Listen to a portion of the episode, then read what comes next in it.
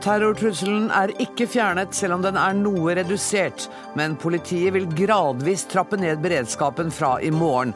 Det sa politidirektør Odd Reidar Humlegård da han orienterte pressen for noen få minutter siden.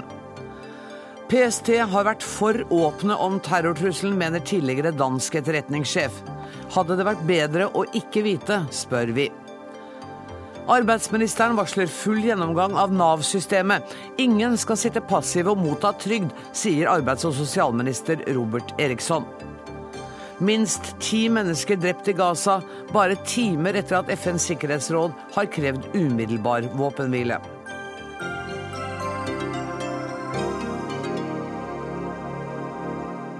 Dette er Dagsnytt 18, der vi også i dag starter med den terrortrusselen som Norge er utsatt for. Akkurat nå har politidirektøren avsluttet sin daglige orientering til pressen. Og Odd Reidar Humlegård, hva er utviklingen det siste døgnet? Ja, Vi har i dag klokken 14 sendt ut en ny operasjonsordre til politidistriktene, hvor vi gir føringer for at de skal eh, fra eh, i morgen og i løpet av morgendagen eh, ta ned det synlige og tilstedeværende politiet Eh, gradvis. Eh, det skal fortsatt være bevæpnet. Det skal dreie aktiviteten over mot mer etterretning, analyse og grense- og utlendingskontroll. Eh, du sier at bevæpningen skal fortsette. Betyr det at alt politimannskap er bevæpnet? Ja, Det er noen lokale forskjeller. Det er eh, den enkelte politimester som eh, bestemmer bevæpning og med hva. Eh, og tilpasset trusselbildet i sitt område, og også bemanningen naturligvis. Men vi har sagt at de som er på jobb, de skal videreføre bevæpningen slik det har vært til nå. Og så er det noen lokale forskjeller på det. På hvilken måte vil publikum merke at dere trapper ned beredskapen fra i morgen? Ja, Publikum vil eh, gradvis se mindre synlig politi. Og det vil faktisk eh, da også være mindre sivilt eh, bevæpnet politi, som ikke publikum har vært like oppmerksom på. Det er vel det som blir det mest synlige for, for folk flest. Samtidig så opprettholder dere grensekontrollen, den oppgraderte grensekontrollen fram til 12.8. Hvorfor gjør dere det? Ja, Vi har eh, nå sendt underretning om at vi eh, kan gjøre det. Det er ikke sikkert vi holder på med det så lenge, men vi ser at den situasjonen vi nå eh, er i, så ønsker vi å dreie ifra det operative til mer etterretningsanalysebaserte og samle informasjon, systematisere det og få et nasjonalt bilde som vi kan bruke for å profilere eh, eventuelle eh, interessante personer. Så Det er det vi har gjort til nå, men som vi da vil fokusere mer på. Også legge opp et bedre etterretningsanalysearbeid rundt dette arbeidet. Så den skjerpede grensekontrollen som du sier vil kunne vare til 12.8, den kan like gjerne bli tatt ned noen dager før? Det er riktig. Um, dette du har sagt i dag baserer seg på den trusselvurderingen som sjef PST ga i går. Hva har PST sagt til deg i dag? Det er ingen endring i trusselbildet fra i går til i dag.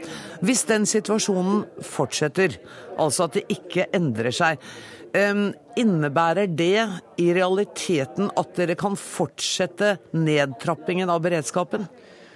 Vi vil, eh, eh, som vi har skrevet til politidistriktene i, i, dag, så vil vi da gå mot en gradvis normalisering. Eh, og vi følger da trusselbildet nøye fra PST og fortsetter våre jevnlige møter med de. Og håper jo naturligvis at vi kan gå mot en gradvis full avvikling og en normalisering i løpet av så kort tid som mulig. Odd Reidar Humlegård, hva slags tidsperspektiv ser du for deg på dette, ut fra det du nå vet? Jeg håper at vi skal i løpet av eh, noen dager gå tilbake til en normal situasjon, og at vi skal kunne avvikle de fleste av de tiltakene vi nå har iverksatt, Og det er det vi har startet på i dag. Dere har hatt en pedagogisk utfordring, og det har dere innrømmet flere ganger selv, i at dere, eh, det, alt er tilsynelatende det synlige politiet eh, kunne skape frykt, mens hensikten deres var å gjøre det motsatte. Er det den pedagogiske utfordringen er den like sterk nå når dere begynner å trappe ned, uten at dere egentlig gir oss noen opplysninger om hvorfor? Ja, Vi kan ikke gi noen opplysninger utover det vi har gjort. Vi har jo eh, ikke heller hatt noe valg med å kommunisere hvorfor vi har hatt så mye mer politi, eh, og de tiltakene vi også har hatt eh, ellers iverksatt. Eh, og vi forstår at noen kan bli engstelige pga. dette. Eh, gitt eh, det som skjedde for tre år siden, så er det mange som syns dette her er skremmende, og det har vi full forståelse for. Vi hadde ikke noe valg. Vi har forsøkt å være så åpne som vi kan om hvorfor vi gjør dette. Og vi forteller også nå at trusselbildet er noe redusert. Derfor så tar vi ned synlig politiets tilstedeværelse. Og det får være en indikasjon på at dette går i riktig retning. Helt til slutt, eh, politidirektør. Det har vært noe forvirring knyttet til grensekontrollene eh, de siste dagene. Eh, er den forvirringen nå fjernet? Vi tok opp det med politimesterne i dag på telefonmøte klokka tolv. Og de rapporterte at det nå var eh, få henvendelser på dette, men vi forstår at det har skapt eh, en del problemer og også misforståelser. Vi har nå prøvd å tydeliggjøre det ytterligere, eh, og jeg tror ikke at folk flest skal oppleve noen problemer med det i fortsettelsen. Vi har også sendt ut en presisering av den informasjonen vår, slik at dette skal gå så greit som mulig i dagene som kommer. Tusen takk skal du ha, politidirektør Odd Reidar Humlegård. Jeg hører at det står journalister rundt i kø og venter på å få snakke med deg. For første gang på 41 år har altså Norsk sikkerhetstjeneste valgt å informere bredt og hyppig om en foreliggende trussel. Men var nå dette en klok avgjørelse? Nei, mener tidligere operativ sjef i den danske etterretningstjenesten, Hans Jørgen Bonniksen. Han mener at det er erfaringen med 22.07 som gjør at myndighetene har varslet publikum på denne måten. Og Hans Jørgen Bonniksen, på hvilken måte har erfaringene fra 22.07 påvirket våre sikkerhetsmyndigheter? Jeg er ikke et øyeblikk i tvil om at uh, alt hva det er foretatt, skal ses i skyggen av Breivik-massakren. Jeg er samtidig heller ikke et øjeblik i tvivl om, og jeg har en dyb forståelse for, at den situation, som PST er bragt i, jamen det er et ulykkelig og vanskelig dilemma, nettopp fordi at skyggen fra Breivik henger over Norge. Og det sensationelle i sagen er jo lige præcis det alarmberedskab, som nu heldigvis, og til lykke med det, er ved at bli neddrosset. Det afviger meget på den måte man normalt arbeider på i efterretningsarbejde. Og det er faktisk uh, exceptionelt fordi man åpner opp for en række risici. Og når jeg taler om risici, så taler jeg ikke om forhold til Norge. Jeg taler om forhold til de risici som jo reiser seg utover det nasjonale. Vi skal være oppmerksom på at terrorbekjempelse er et internasjonalt problem. Men jeg er da sikker på at både den norske regjering og PST har gjort seg klart og være villige til å ta de risici. F.eks. en av dem er helt åpenbart. Altså Den norske reaksjonen har vist hvor lett det er for terrorister uten våpen og sprengstoff at skræmme et samfund som i forveien er sårbar. Og der har man faktisk vist dem en metode som kan anvendes. Man har også givet dem en kado som kan styrke deres renommelle, generelle renommé som de frygtskabende, der kan slå til hvornår det skal være. Og Det er et renommé som jeg absolutt ikke mener de har fortjent eller gjort dem berettiget til. Men, men, ikke desto mindre er det noen av de konsekvenser man ser at det var det foregået. Ikke i forhold til alene Norge, men også i forhold til det nasjonale terrorbekjempelsesarbeidet.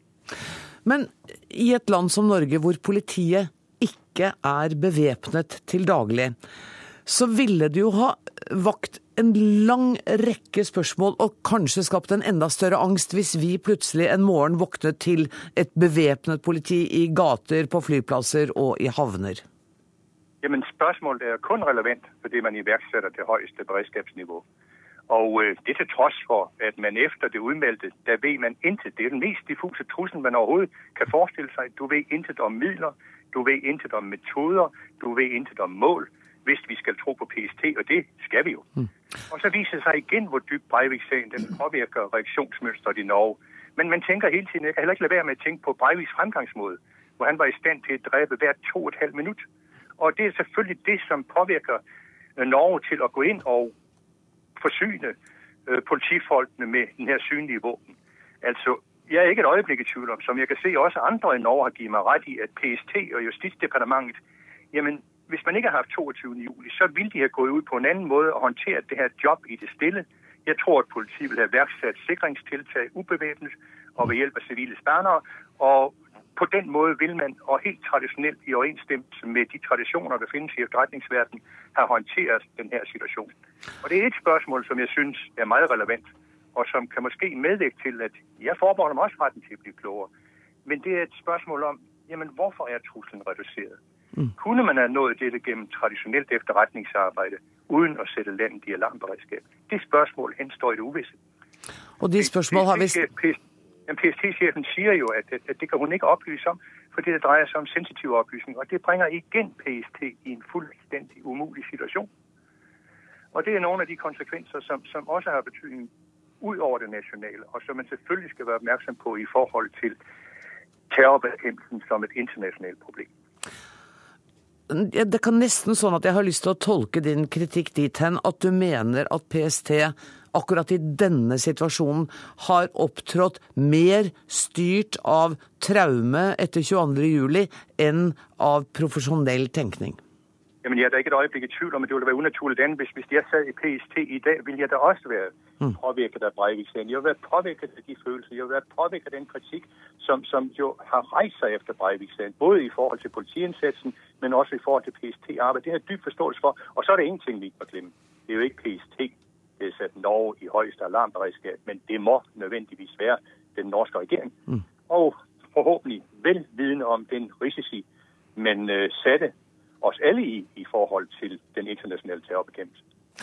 Eh, vår PST-sjef Benedicte Bjørnland har sagt i norske aviser at hun synes at, at, det er underlig at du uttaler deg om en sak i Norge når du ikke kjenner saksgrunnlaget. Eh, hva er din reaksjon på det? Jamen, min, min, min reaktion er, at jeg kan se, at, at, at jeg bliver betraktet som useriøs, og hun sier også, at jeg skal holde min, min, min, min kæft. Men, men ikke desto mindre, da det her rækker længere ud end det nationale. Da det rækker længere ud og kan få nogle konsekvenser og medvirke til at stabilisere de niveauer, som jeg ikke mener, at de terrorister overhovedet har gjort sig fortjent til, jamen så er det vel relevant. Jeg mener også, altså ingen tvivl om, at hvis man nu, når følelserne sig, går ind og evaluerer på det her, jamen så er jeg sikker på, at nogle af de ting og pointer, jeg fremdrager her, det kan ikke være en PST-chef ukendt. Jeg er da sikker på, at selvfølgelig er man bevidst om den slags ting, men man har valgt å løpe de her risici. Og det jeg forholder meg til, det er, at det her det rækker altså ud over det nationale. Men jeg er da dybt ked af det. Jeg er dybt ked af, at, at hun ikke har fattet, at, at jeg har dybt forståelse for situasjonen, og at det her, at kritikk er noen gang kilde til, til udvikling. Tusen takk for at du var med i Dagsnytt 18, tidligere operativsjef i den danske etterretningstjenesten, Hans Jørgen Bonniksen. Og velkommen til deg, eh, Raymond Johansen, eh, sekretær i Arbeiderpartiet. Jeg har invitert deg for å snakke om noe annet, men jeg har bare lyst til å avrunde denne lille kritikkbiten.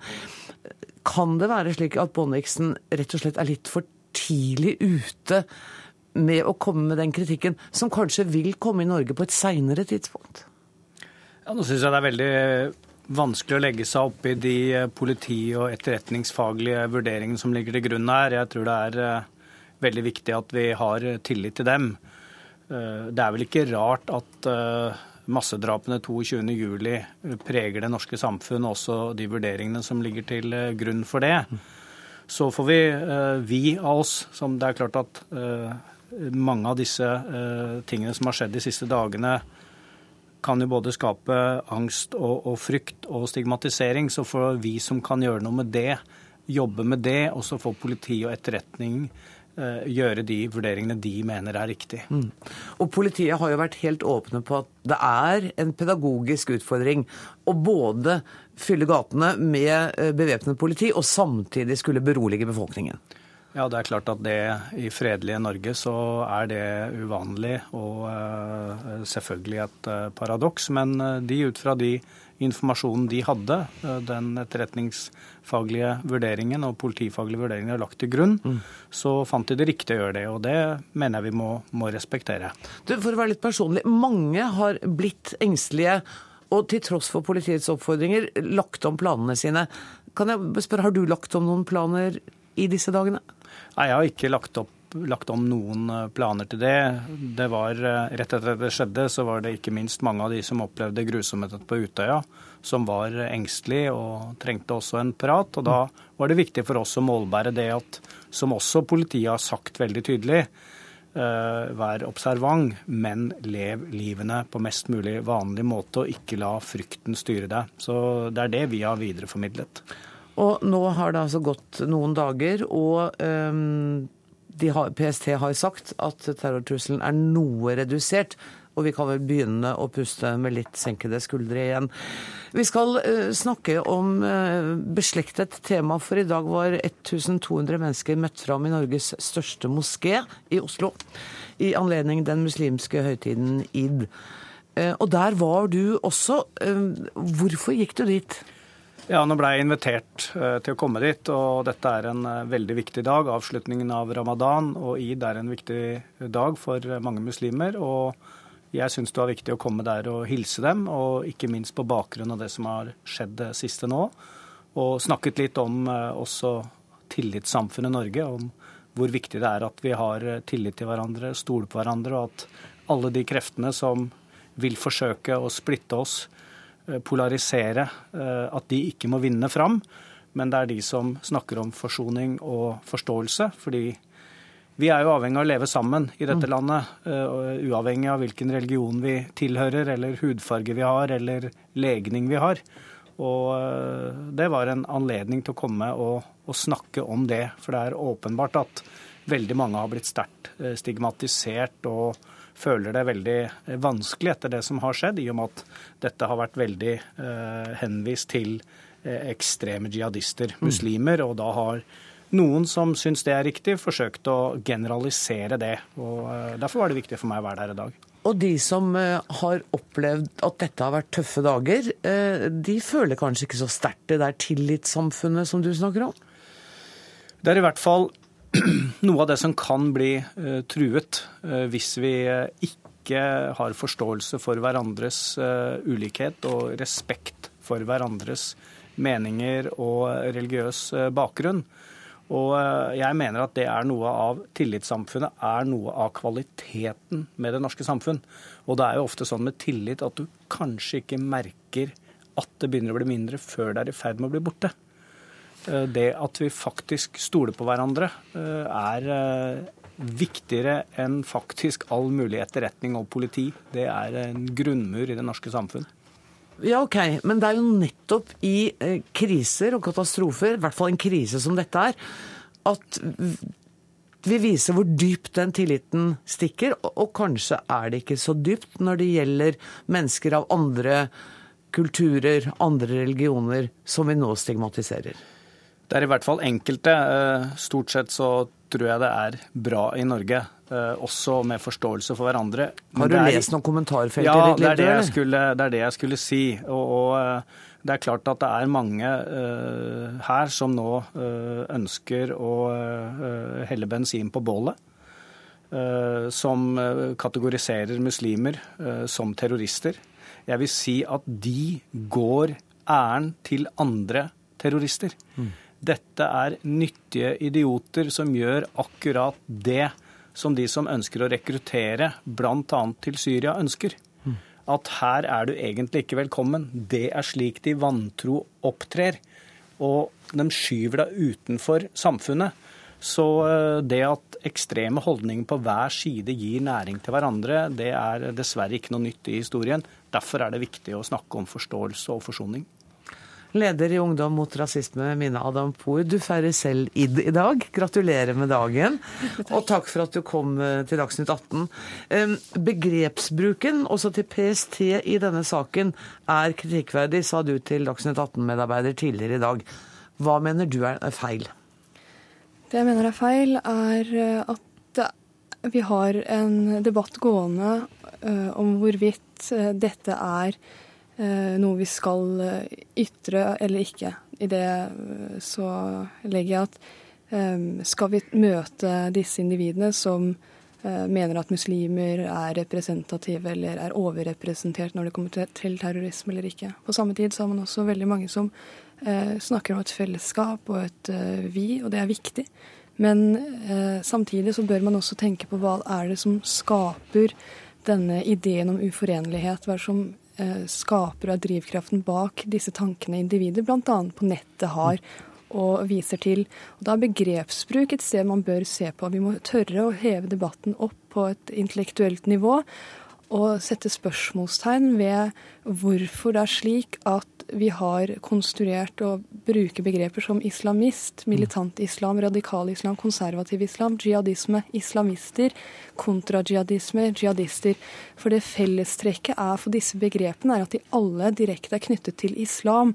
Det er begreper som enten knytter islam direkte i sin helhet til avvikende menneskers handlinger, eller så er det begreper som blir brukt av uh, islam Eh, og dette gjøres faktisk ikke imot andre med en annen tro. Der avvikende mennesker utøver voldsforærligende handlinger eller ord, ytrer disse, så knytter vi ikke da dette til at de individene er ateister eller kristne. Og det må vi tørre å snakke om, og det er også eh, en eh, blindvei å gå hvis vi velger å Eh, ikke peke på hvilke type begreper akademia og media bruker, men til enhver tid skal skylde på Frp for all den stigmatiseringen minoriteter utsettes for. Jeg skjønner godt hva du sier, men jeg, hva skal vi kalle terroristene da? Hva kaller vi Breivik, f.eks.? Terrorist. Vi, vi, kaller han nettopp. Det er det mm. vi gjør. Og da, vi, uh, da, en liten, liten andel kristne gikk imot Darwins evolusjonslære, så konstruerte vi et begrep som het fundamentalist. I det ordet så er det ingen assosiasjon til kristendommen. Da Folke Bernadotte ble drept av en jødisk terrorist, så konstruerte man ikke begrepet jødedomist, til tross for at du har en rekke terroristorganisasjoner fra dannelsen som Irgun, Sterningen, Hagana, som er kjente for å være, bedrive terrorisme og samtidig være representert ved at det er individer som er jødiske. Jeg vil ikke gjøre den samme assosiasjonsuretten mot jøder og kristne, og selv areligiøse. Men det er et poeng å trekke det frem, fordi dette også brukes av de individene som ønsker å rekruttere unge sinn for sin sak. Dette brukes av individer som ønsker å rekruttere unge muslimer, som er en del av Minoritets-Norge, hvor vi vet at innvandrere er overrepresentert på den sosioøkonomiske statistikken, hvor de har dårligere vilkår. Og Dette er også faktorer som bidrar til at du kan lettere bli utsatt for hjernevasking eller hatytringer som er ment til å skade det store flertallet. Det skjønner jeg, men jeg har også hørt terrorister selv på TV eh, stå og si at eh, vi handler i islams ånd. Ja. Dette er det islam som har bedt oss gjøre. Sånn at de knytter jo også religionen Riktig. til handlingene sine. Helt korrekt. Og da, det jeg tenker på da, er at eh, det samme gjorde Breivik. Mm. Han hadde korset på sitt manifest. Han hadde på tempeluniformen sin. Han kalte til og med et av kapitlene i sitt manifest for 'Det kristne forsvar for min kamp'. Men vi har ikke av den grunn valgt å gå hans ærend. Og det synes jeg vi skal se nærmere på og tørre å diskutere. Ramon Hansen, dette er tankevekkende. Jeg syns det er veldig eh, kloke eh, betraktninger. Eh, jeg ser at det ikke er helt svart-hvitt. Jeg ser også at i deler av media kan foregå jo en debatt og kunnskapsheving om ulike former knytta til jihadisme, om hva det er som får dem til å rekruttere, og at det er jo ikke mange som har en oppslutning om det, men å ha en, eh, en noe mer avansert diskusjon eh, rundt det tror jeg er helt nødvendig for å unngå nettopp det vi snakket om i stad, generalisering. At du nesten per definisjon er, når du da er eh, muslim, at du da blir også slått i hardkorn med de som ønsker å ta livet av de vantro og ser at hellig krig er, er veien mot målet. Det var en oppklarende runde. Tusen takk for at dere kom, begge to. Minna Adam Poor i Ungdom mot rasisme og Raymond Hansen, sekretær i Arbeiderpartiet.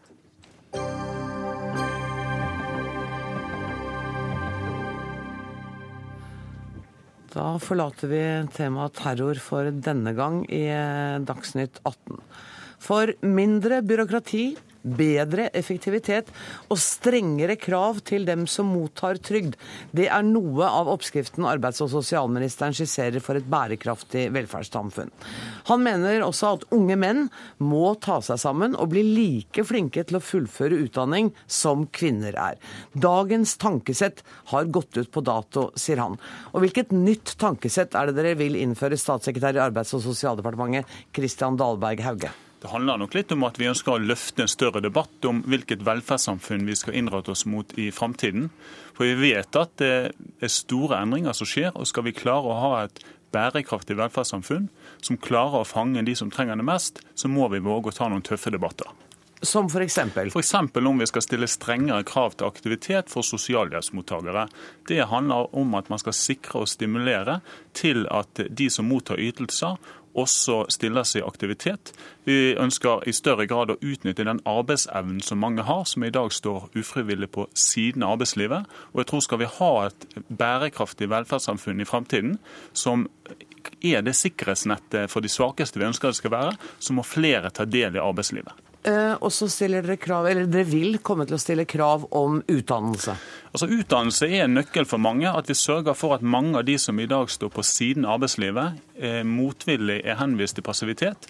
Dersom de eh, trenger en viss kompetanse for å kunne ta del i arbeidslivet, så mener vi at det er viktig at Nav og samfunnet ser de enkeltmenneskene og gir de bidragene som skal til for at man kan ta steget inn i arbeidslivet. Det tjener samfunnet, og det tjener den enkelte. Men det betyr at staten da skal betale for den utdannelsen? Altså Dette er noe av den debatten Robert Eriksson ønsker å løfte. Jo, men Dere har vel gjort dere noen tanker om hvordan det der skal betales? Jo, altså, vi, vi, ønsker i større grad at Nav og systemet skal se enkeltmennesket. Hva trengs for at den enkelte istedenfor passivt utenforskap skal kunne ta del i arbeidslivet og være flinkere å skrive ut den konkrete medisinen som er tilpasset den enkelte. Så staten skal betale utdanningen? Nei, altså, Det er en debatt man må se videre hvordan vi løser dette i praksis. Dette handler om hvordan vi skal innrette velferdssamfunnet i fremtiden og få flere til å ta del i arbeidslivet, for det er vi helt avhengig av. Vet du hva, statssekretær? Jeg, jeg syns jeg prøver å stille konkrete spørsmål, og det jeg hører deg si, er at man skal bli flinkere til å se enkeltmennesket. Kan ja. du ikke være litt tydeligere på hvilke tiltak dere faktisk har tenkt å foreslå? Jo, Det er bl.a.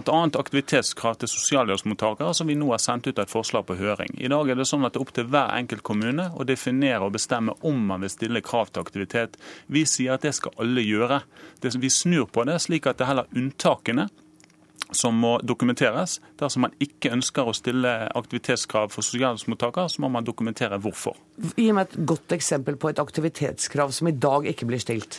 Før vi sendte denne saken på høring, så var vi bl.a. i Trondheim og møtte en ung jente med psykiske problemer.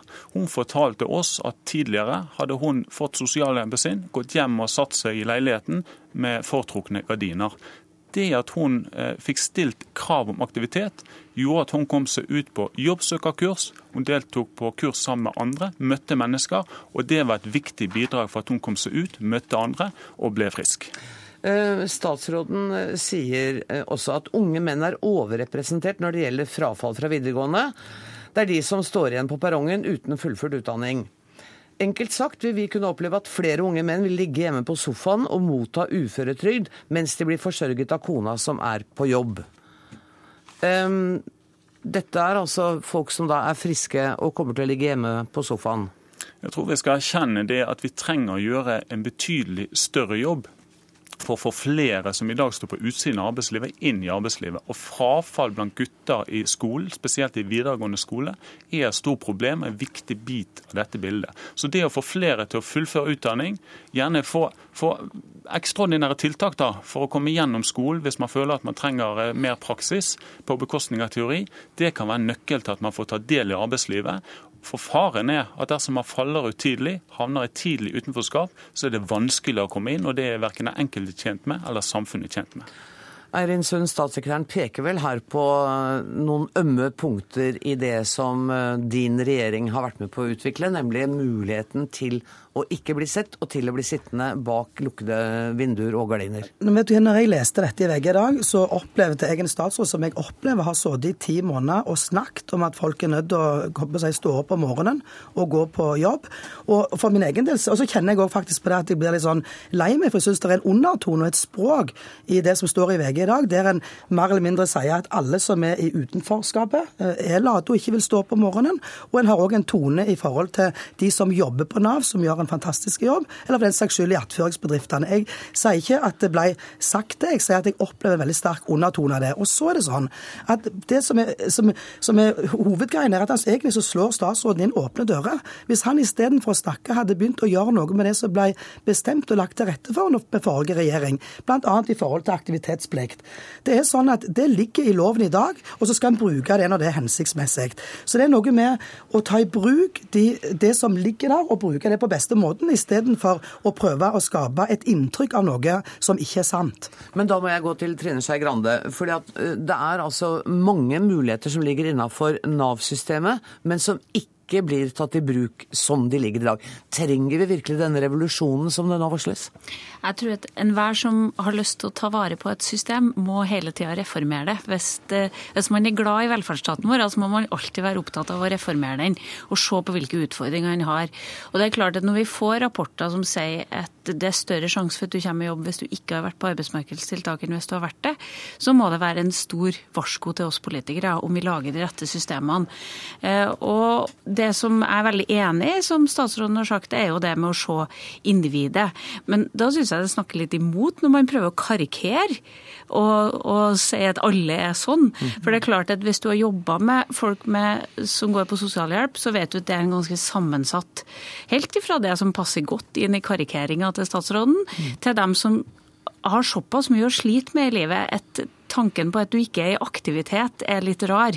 Fordi at hele livet, hele dagen, handler jo om på en måte å, å få det her livet og familien til å gå rundt. Så, så, det må man ha respektet på. Det som jeg tror er bra, det er at man får en diskusjon om hvordan man kan få til mer entreprenørskap og tenke nye måter å drive velferdsstaten vår på. Eh, og når statsråden tar fra sånn som Pøbelprosjektet og, og de prosjektene der, der, der, man virkelig prøver å lage system rundt folk, mm. i mhm. stedet for å få folk til å passe inn i system, og som har vært hele svakheten til mye av det Nav-systemet har gjort. Og kanskje må vi se på nå når vi skal ha en stor kommunereform, om det er riktig at Nav skal ligge på alle, alle, de ulike nivåene kanskje skal være et rent statlig, eller kanskje skal være et rent kommunalt. Ja, Der, der foregrep du mitt eh, neste spørsmål, som jeg da hadde fått fordi jeg har snakket med deg på telefon tidligere i dag. Kunne man tenke seg at det var et rent statlig foretak, sånn som du ser det? Det kunne være rent statlig, eller det kunne være mye mer rent kommunalt. Det spørs hvor mye forskjell Det er stor forskjell på det, da? Jeg... Ja, det er stor forskjell. For det kommer an på hvor mye vi er i stand til å bære av forskjellighet. For det betyr at hvis vi flytter mye av dette ansvaret ned til kommunene, så vil det være forskjellig fra kommune til kommune hvordan oppfølging du får. Det har noen styrker, og så har det noen svakheter. Og det spørs hvor mye velferdsstaten vår takle av ulikheter, om at du blir møtt ulik når du møter det offentlige. Bare for å presisere, så ønsker statsråden at vi skal snakke om velferdssamfunnet, og ikke om velferdsstaten. Eh, det er litt uklart for meg hva forskjellen er, statssekretær.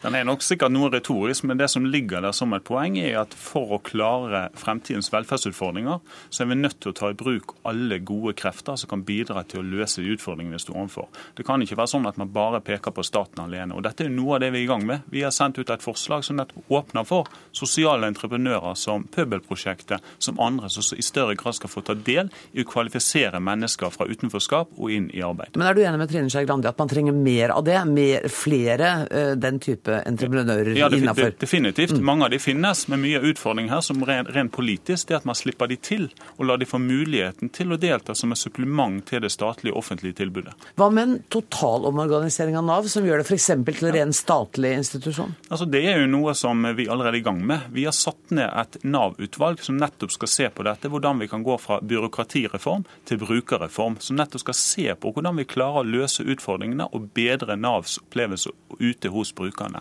I retning av å gjøre det statlig? Nei, altså, det er, Eller skal det holdes på trenivå? Det er jo en interessant debatt som vi går rett inn i hjertet av den kommunestrukturdebatten. Istedenfor å diskutere kommunegrenser, hvor de skal gå, så tror jeg dette er de interessante bitene i den debatten som står foran oss. Og der har hvor... dere ikke konkludert? Nei, der har ikke regjeringen konkludert. Der har man sagt at man skal gjennomføre en kommunereform, med fordeling av oppgaver er jo en virkelig interessante biten av den debatten. Ja, men Det som er litt sånn rart, er en snakker som om ingenting har skjedd. og Jeg skal selvfølgelig ikke drive og snakke om alt som de rød-grønne gjorde, men samtidig så var det altså gjennomført en Nav-reform som, som ga folk som jobber i Nav-systemet, kompetanse i, i, i bøtte og spann for å klare bl.a. å snu tenkningen i, i motsetning på en annen måte enn det en gjorde før. Så er det også sånn at Det som Trine Skei Grande snakker om her i forhold til sosiale entreprenører med pøbelprosjekt og andre prosjekt, det kommer vi aldri til å være for, nei, være imot. Det kommer vi til å ville styrke og være med på sånn som har vært før. Men det statsråden sier i dag, som jeg synes er det som er alvorlig, det er at han ønsker å privatisere eh, attføringsbedrifter. Det sier han. Og så sier han at han ønsker å innføre aktivitetsplikt for alle. Og hvis du innfører aktivitetsplikt for alle, så ser du ikke enkeltmenneskene og det behovet som den enkelte har i det. Og så blander en sammen hummer og kanari, det mener jeg. Du trenger ja, og Det skal ikke vi gjøre, så vi holder oss til det ene nå. Aktivitetsplikt for absolutt alle. La oss ta det. Det skal være hovedregel. For det er ikke heller til å underslå at mange kommuner finner det skillig mer enklere å betale ut ytelser og så ferdig med det. Ved aktivitetsplikt, at det skal være obligatorisk, så forplikter man også kommunene til å stille opp med tilbud for den aktiviteten. Det er også en viktig bit av dette. Da skal det ikke være nok å skrive ut en ytelse til en enkelt person. Da skal man også se hva trengs for at vedkommende kommer seg tilbake i jobb, og så må kommunene også følge opp og stille opp med det tilbudet. Og Det er en vesentlig forskjell overfor det som Arbeiderpartiet og den rød-grønne regjeringen la fram. Er det ikke et lite tankekors ved, ved aktivitetsplikt kontra det å skulle se den enkelte og det Nei. enkeltes behov? Nei, fordi det, det eneste man gjør er at man snur det. I dag er det sånn at de kommunene som ønsker det, kan stille krav om aktivitet. Vi sier det motsatt. Man skal gjøre det, og så skal man dokumentere unntakene. Så er det mange som aktivitetsplikt ikke vil være aktuelt for. Men da skal det være unntakene, og så skal hovedregelen være at man stiller krav om aktivitet tilpasset den enkelte, og kommunene og det offentlige må stille opp med et tilbud. Kalle Mone, du er professor i samfunnsøkonomi ved Universitetet i Oslo. Ehm, hva syns du om eh, disse tankene? Det er jo absolutt ikke vedtatt ennå. Dette er de tankene som departementet har gjort seg om eh, å revidere Nav. Det er vel lurt å tenke se om av og til, og det er oppfattet som en fornuftig ting. Men det er viktig at, at, utgangspunktet er riktig. Det høres alltid ut når vi snakker om disse tingene som at dette er et stort problem i velferdssamfunnet Norge, mm. men uh, ikke i andre land. Altså Yrkesdeltakelsen for alle alderstrinn for begge kjønn er mye høyere i Norge og i de skandinaviske land enn det er i resten av Europa. Mm. Og, og det, det, er utgangspunktet. Utgangspunktet er ikke at det er et stort problem at for få jobber i Norge. Nei. Vi skal gjerne ha et inkluderende arbeidsliv, og mange som har problemer burde bli inkludert, men det kommer kanskje i, i, konflikt med den nylig nedsatte kommisjonen som skal se på produktiviteten i norsk, i norske samfunnet. Så en kan liksom ikke få både i pose og sekk helt gratis. Men det siste eh, så jeg vil si som utgangspunkt at eh, det har jo alltid vært en, en, en, aktivitetslinje eller en arbeidslinje i det norske velferdssamfunnet. Ja. Eh, og det er, det er, håndhevingen her som er et, mer av et problem enn selve reglene. Alle, alle land som innfører arbeidsplikt og eh, aktivitetsplikt i forskjellige regler, det er veldig vanskelig å håndheve det. Og som regel er det tilbudet av aktivitet som er den knappe faktoren, ikke viljen til å delta i aktiviteten av den enkelte trygdemottaker.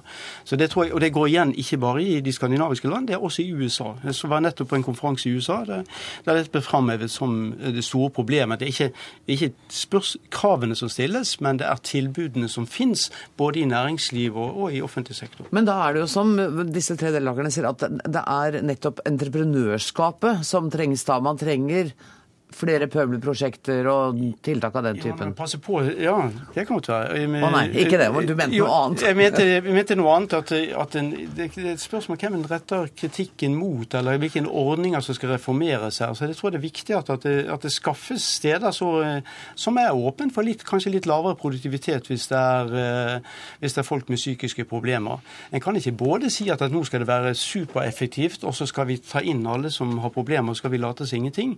Og det kan umulig menes at det skal være aktivitetsplikt for eh, f.eks. uføretrygdede. Eh, en, en, kan få et aktivitetstilbud. Det kan umulig være en, en plikt. Så det Siste ting jeg vil si, det er Veldig mye av debatten i Norge og i andre land den, den tar utgangspunkt i at det akkurat som en, hvis, hvis en har litt høyere tall på et område, så, alltid, så er det for mye. Mm. Altså I statistikken så snakker en om type 1-feil og type 2-feil. Det betyr at, at det kan være noen som får en ordning som ikke burde hatt den. Det er den som legger størst vekt på i Norge i debatten. Men det er også mange som skulle hatt en rettighet, som ikke får den. Som skremmes vekk av reformer. Og jeg syns at det siste problemet er minst like stort som det første. Så du er villig til å ha et samfunn der noen kanskje utnytter systemet litt for mye, hvis vi kunne fått med oss flere av de som virkelig trenger det, og få, la dem få de ytelsene de skal ha? Altså, hva jeg vil og ikke vil, det er jo ikke noe interessant i dette. for jeg det representerer ingen. Men det som, det som, vil, kunnskap i dette det, det, som, det som jeg vil si i, i den tingen, at det er blant de overveielser en bør mm. gjøre. Og det er de tingene en bør tenke igjennom. Og det er altfor mye debatt omkring disse tingene som tar utgangspunkt i et skjevt bilde, og som bare legger vekt på den ene kostnadssiden ved tiltakene, og ikke gevinstsiden av tiltakene. Statssekretæren må få ordet til dette. Jeg er veldig enig i de resonnementene som trekkes her. Noe av det første Robert Eriksson gjorde som arbeidsminister, det var å invitere inn 100 brukere av Nav nettopp for å høre deres historier. Og Det som gikk igjen, var at det var 100 mennesker og 100 historier. Hver hadde sine erfaringer med Nav som var gode, mindre gode og regelrett dårlige. og Det var grunnlaget for at vi ønsket å løfte denne debatten. Og jeg vil jo si, Den stemmen som, som er her, det er en viktig stemme i den debatten vi ønsker å løfte. Dette må ikke være en ren politisk debatt. Dette må være en bred debatt med fagmiljø, med politikere og ikke minst også folk flest som bruker Nav hver eneste dag. Og med fagfolkene som jobber i dette systemet. For når du snakker med folk som jobber i Nav, så er jo de fortvila over det regelverk, altså det regelrytterne som de er på en måte plassert inn for å være. Og for at de skal prøve å få folk til å passe inn i systemene hele tida. Og leitinga i det byråkratiet for å få dem, i stedet for å bygge systemer rundt enkeltmennesker. Og hvis man da diskuterer å på en måte flytte mer makt ned, og ned til enkeltindivider, ned f.eks. til kommunene, så kunne du hatt systemer som kanskje har vært mer forskjellige, men der man kunne sette seg ned, den enkelte det saksbehandler, og sett på hva det er som er bra for det mennesket som er foran meg. Det er sånn sånn vi skulle ønske det var. ja, og, så det, og vi, må jo, vi som politikere må jo strekke oss imot det som er noen idealer her. Og det er jo ikke sånn at det er negativt å stille krav til folk. Jeg mener mye mer negativt å ikke stille krav til folk. For det er da du virkelig ser til folk at de ikke har noen verdi, og at de ikke kan bidra med noe. Her nikker Søren Kåre Sund. Det er du som får siste ordet. Ja, for at du, du skal ha rett og du skal ha plikt til å ha en jobb å gå til. Og jeg er veldig enig med professoren. Han sier at hvis du skal eh, ha, si, ha aktivitet, så er det nødt til å være en plass den aktiviteten foregår. Og jeg tror at en av de tingene som vi er nødt til å gjøre, det er at staten og kommunen som arbeidsplass må legge til rette for at eh, de i større grad kan ta imot de som skal i aktivitet. Og så må vi kanskje også vurdere å få flere tiltak på plass for at næringslivet i større grad gjør det. Så det er ikke, folk ligger ikke på sofaen for at de ikke vil være aktive. For å være aktiv er god medisin, men de må ha en plass å være aktive på. Og det syns jeg statsråden skal gripe fatt i. Der er Takk. jeg helt enig. Takk for at dere kom, Kristian Dahlberg Hauge, Eirin Sund, Trine Skei Grande og Kalle Mone. Dagsnytt 18 alle hverdager klokka 18.00 på NRK P2 og NRK2.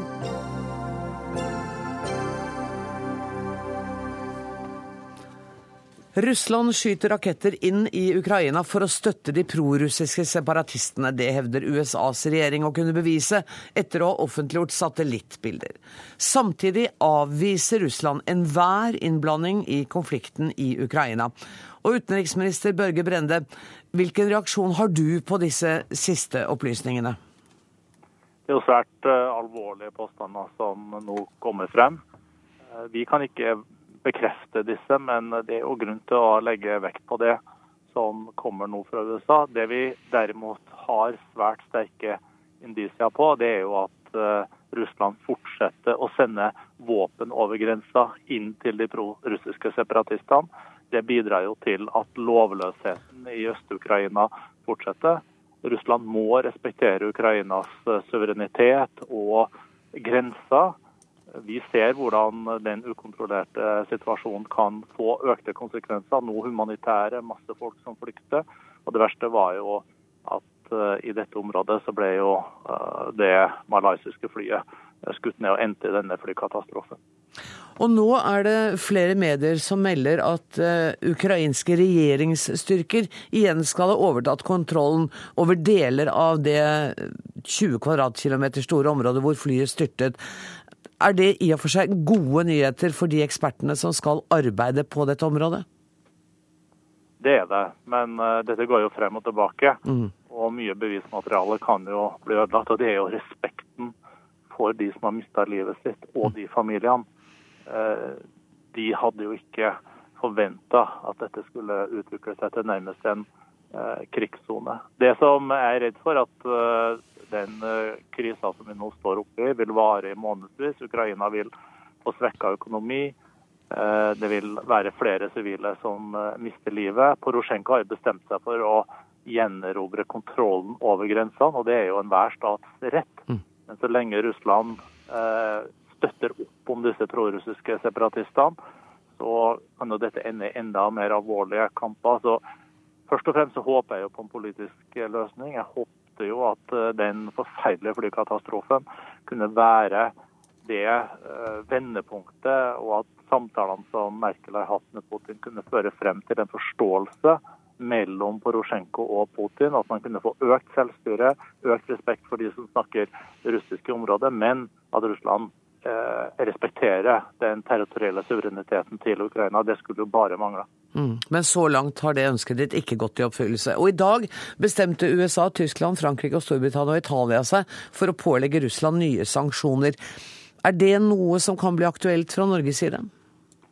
EU gjennomførte jo nye sanksjoner på personer i sikkerhetssystemet i Russland og selskaper som er involvert i Krim på forrige fredag. De restriktive tiltakene tar Norge sikte på å gjennomføre i norsk rett. Mm. Så kommer det en ny eh, runde i morgen med diskusjoner i Brussel om såkalte sektorvise tiltak. Tiltak overfor finans, innenfor olje- og gassektoren og lignende. De tiltakene må vi nå studere nærmere, for følger vi prosessen tett EU. Men Det er ikke noe tvil om at hvis Russland nå ikke medvirker til å slutte å sende våpen inn, hvis de ikke medvirker til å avvæpne de prorussiske eh, separatistene, så vil det komme sterkere virkemidler mot Russland. Det har EU varsla, det har USA varsla. Og Norges utgangspunkt er jo at vi har sagt det samme, at nå må Russland eh, respektere Ukrainas eh, grenser. Og vi vil jo gjennom konsultasjoner med Stortinget følge nært det EU gjør. Og vår intensjon er å reagere fremover, også hvis Russland ikke nå forholder seg til det som er folkeretten. Takk skal du ha, utenriksminister Børge Brende. Leder for samfunns- og informasjonsavdelingen i Flyktninghjelpen, Rolf Vestvik i hvor stor grad Vi snakker liksom om Russland som uh, blander seg inn i den interne konflikten, men kanskje litt lett å glemme at det er folk som er ofre her. Hvor mange er rammet av denne konflikten? Jeg tror man kan av og til glemme hvor stor uh, flyktningkatastrofen er um, i Ukraina. Vi må også tilbake til Balkankrigen for å finne et like stort flyktningproblem på europeisk jord. De siste 14 dagene så har mer enn 1000 mennesker flykta hver eneste dag. Og siden april så er det altså over 230 000 mennesker som har blitt drevet ut fra de um, områdene hvor det har vært urolig i, i Ukraina. Er de internt fordrevne? Nei, mange har dratt til Russland okay. uh, og flykter inn der. Og mange har flyktet inn i Ukraina og blitt internt um, fordrevne, uh, fordrevne, der. Og Det som er interessant å merke seg, det er jo det hva flyktningene og de internt fordrevne sier. I begynnelsen i, april så var det mange som sa at de flykta fordi de frykter fryktet at det skulle skje vold. Det de forteller nå, det er at de flykter pga. den volden som, um, som skjer. Det er altså en økende voldsspiral i området, og det er det som driver mange mange tusen mennesker på flukt. Hva slags forhold lever de under, vet dere noe om det? Ja, Det vi jo, det vi jo ser, det er jo at um, uh, urolighetene, krigen, uh, går jo kraftig utover infrastruktur. Uh, det rapporteres om problemer med vann. Dette er et område hvor det er ganske, ganske varmt. levering av elektrisitet osv. Så, videre. så infrastruktur, ødeleggelse av infrastruktur er det ene problemet. Men det som er mer bekymringsfullt, det er jo det som går på selve sikkerhetssituasjonen og voldssituasjonen. Og FNs høykommissær for menneskerettigheter la jo i dag fram en, en rapport eh, som viser at det foregår drap, det foregår tortur, det eh, foregår uh, uvilkårlig fengsling, um, og dette er en økende tendens i, uh, i området. Dersom det fortsetter med 1000 mennesker som flykter hver dag, i løpet av 14 dager, tre uker, så er jo dette en, en total katastrofe? Ja, det er en total, uh, en total, katastrofe, og det skjer på europeisk jord. Man, uh, vi, vi, hadde jo trodd at vi etter, etter Balkankrigen måtte, hadde lært og, og, og, klart å lage et system for, for problemløsning i Europa, hvor vi jo ikke skulle oppleve dette med flere hundre tusen mennesker som blir drevet fra gård og, og, gård og grunn. Det har vi altså ikke, ikke, klart. Og det er klart, selv om altså, Ukraina er et et velutvikla land. Eh, de produserer bl.a. Mye, mye mat. Eh, eh, så en sånn stor humanitær katastrofe vet vi jo ikke om vi får, får se. Men det er klart det er en politisk, politisk krise, og som sagt det meldes nå om økende behov for sivilbefolkninga. Påtroppende korrespondent for NRK i Moskva, Morten Jentoft. Vi hørte jo her utenriksministeren var ikke veldig optimistisk med, en, med hensyn til en snarlig løsning på denne konflikten. Og nå har vi altså fått det som amerikanerne kaller satellittbevis for at russerne har vært innblandet. I hvilken grad kan vi stole på de bevisene? Ja, altså, jeg tror at uh, Situasjonen på bakken i Ukraina forteller at uh, dette er en konflikt der Russland står med begge beina midt inne i denne konflikten. I dag så kom meldingen om at den såkalte statsministeren for denne folkerepublikken uh, Danetsk, Aleksandr Borodaj, som jo har vært mye framme i media i forbindelse med nedskytingen av det malaysiske flyet, han har nå dratt til Russland.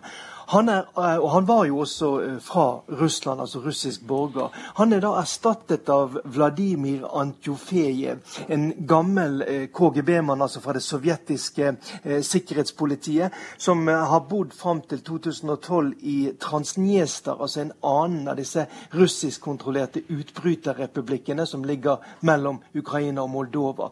Han overtar nå altså, en utenforstående overtar nå ledelsen av Folkerepublikken Danetsk. Det forteller at det er i alle fall krefter fra Russland, om det ikke er sentralstyrt fra Moskva, så er det krefter fra Russland som nå utgjør den harde kjernen, som fortsetter kampen mot de ukrainske regjeringsstyrkene. Det kom også meldinger nå eh, seint i ettermiddag om at det er splittelse eh, i flere avdelinger av opprørerne, eh, der de russiske eh, eh leiesoldatene da, eh, prøver å holde leddene sammen, mens da lokal milits da nå vender seg mot disse russiske soldatene, som de mener er eh, leiesoldatene er altfor brutale i konflikten. Så det er helt klart at uh, Russland på mange måter står med begge beina midt inne i, i, denne konflikten, uavhengig om disse bevisene som amerikanerne legger frem, er riktige eller ikke. Takk skal du ha, Morten Jentoft. Takk også til Rolf Vestvik fra Flyktninghjelpen.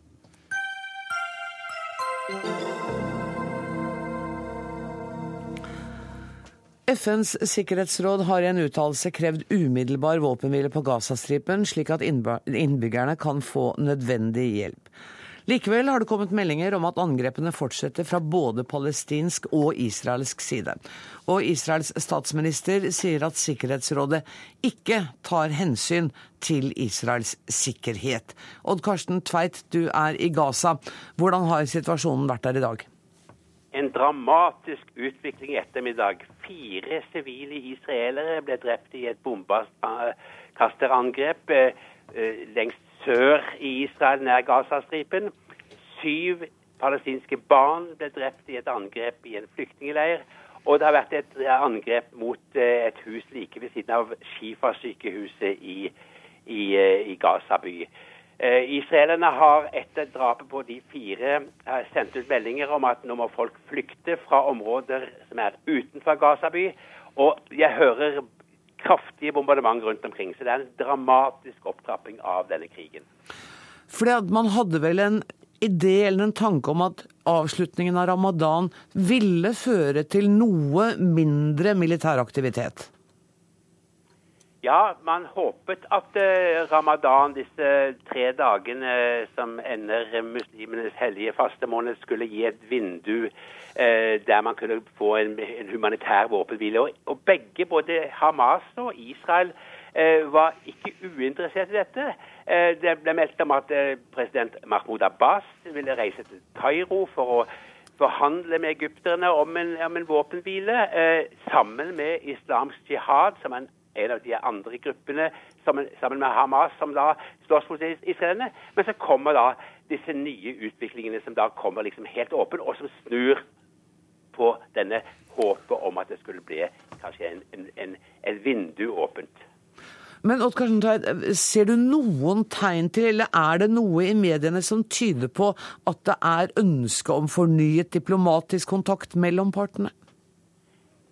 Fra Israels side så er det selvfølgelig de har sagt vi er åpne. Palestinerne sier ja, vi er åpne, men mm. vi kan ikke bare gå med på en våpenhvile. Vi må ha garantier for at denne åtte års lange blokaden mot 1,7 millioner mennesker på Gazastripen må oppheves. Det nytter ikke bare å, å, gå inn på en våpenhvile som den i 2012, eh, som også lovet en åpning, men som da ikke har, har ført noe i praksis. Palestinerne her føler seg liksom samlet de føler at de, de må få gjort noe, for de kan ikke leve i, under slike forhold som de har gjort i lang tid framover. Men så lenge man da setter betingelser fra palestinsk side på en våpenhvile, så fortsetter uh, uskyldige mennesker å bli drept. Ja, roten til dette er selvfølgelig Israels okkupasjon. Hadde Israels okkupasjon vært over, så hadde vi ikke hatt den, den utviklingen vi har nå. Eh, jeg har snakket i dag med en Hamas-leder, en som har tidligere sittet i regjeringen. og Han sier at vi har jo forsøkt alt. Vi ble, gikk inn for å bli valgt. Vi ble valgt i 2006, gikk inn i regjeringen, mm. men verden snudde ryggen til oss. Mm. Vi har forsøkt forhandlinger, verden snudde ryggen til oss. Hva skal vi gjøre? Vi må slåss nå for å forsøke å få verden til å forstå at vi kan ikke leve slik. Og så sa han noe annet. Hva skal skje hvis Israel klarer å avvæpne Hamas? Hvem vil erstatte? Er det et vakuum som kommer? Nei. Det blir andre folk, og de blir kanskje mye mer militante og enda mer fanatiske enn de vi ser i dag, sa denne palestinske lederen mm. eh, fra Hamas. Takk skal du ha, Odd Karsten Tveit. Marte Heian Engdahl, du er doktorgradsstipendiat i historie ved Universitetet i Oslo. Og den israelske statsministeren har i dag sagt at FNs sikkerhetsråd med sin Gaza-uttalelse sitat at FNs sikkerhetsrådet forholder seg til behovene til en morderisk terrorgruppe som angriper israelske sivile, og at da Sikkerhetsrådet ikke tar på seg noe ansvar for Israels sikkerhetsbehov. Hvordan vurderer du en sånn uttalelse? Jeg tror eh, Netanyahu sin uttalelse må også ses i sammenheng med det eh, våpenhvile, eller det humanitære våpenhvileforslaget som ble lekka fra Kerry, som han, som USAs utenriksminister, hadde forhandla fram eh, sammen med Qatar og Tyrkia. Det er det forslaget som eh, virkelig irriterte Netanyahu og israelerne. Fordi at det adresserer blokaden, eh, men det sier ingenting om at eh, Israel får lov til å fortsette å ta ut tunnelene, mens denne humanitære våpenhvilen, som var tenkt å være, prøve å være en uke først, skulle holde. Og for israelerne så er dette et eh, Hamas-forslag. Eh, de tenker at det kunne like gjerne vært skrevet av Khalid Meshal som av Kerry, mens amerikanerne mener at eh, det her baserer seg på det samme egyptiske forslaget. Så det her er jo også et eh, veldig et eh, spill på høyt nivå av de regionale aktørene. Og amerikanerne som også har selvfølgelig står litt på mer ustødig grunn enn de har gjort tidligere. Jeg gjør det, for jeg skulle til å spørre, Er det sånn at Israel nå føler seg sveket av sine amerikanske allierte? Altså, det er et ganske kjølig forhold mellom Netanyahu og Kerry, og mellom Netanyahu og Obama. Det har det vært i lang tid, og spesielt etter at Kerry siste, uh, sin siste runde, om du vil, på å prøve å få i gang ordentlige fredssamtaler gikk i vasken, så har uh, det vært veldig kjølig de to imellom. Og jeg tror amerikanerne er jo også står på litt skiftende grunn. Det er jo de gamle allierte som pleide å være folk man kunne stole på. Vanligvis i 2012 så kunne Hillary Clinton ta opp telefonen sin og ringe til Kairo og få dem til å gå inn imellom mm. og megle mellom Hamas og Israel, og det er ikke lenger like Det er ikke like mulig lenger pga. Egypts eh, politiske ledelse nå. Men er det nå sånn, sånn som du ser det, at, at Qatar på den ene siden og Egypt og deres allierte eh, på den ene siden kjemper om å få være fredsmegler? At det går i to spor? Det er nettopp det det gjør. Det er litt sånn eh, spillet om å være en viktig regional aktør, selvfølgelig. Eh, Egypt sa først vi kan gjøre det, vi kan gjøre det, men de har jo ikke ikke ønska å snakke seriøst med Hamas. Det må sies at det første forslaget som Hamas, nei, som unnskyld, Egypt og Israel liksom kom til enighet i, det var jo ikke Hamas hadde ikke vært inn i bildet der og ble presentert med det som for dem var et israelsk forslag. Og så kommer Tyrkia og Qatar, som er Qatar er jo en Hamas-sponsor, og de kunne jo gjerne tenke seg å steppe inn der egypterne nå ikke får det til, men da sier israelerne vi kan ikke snakke med dem. Dette virker jo fortsatt som en ganske låst konflikt, for å si det helt mildt. Eh, du får ti sekunder på deg. Som eh, en akademiker, ser du at det er en løsning i sikte her? Eh, på våpenhvilen kanskje, men på freden ikke.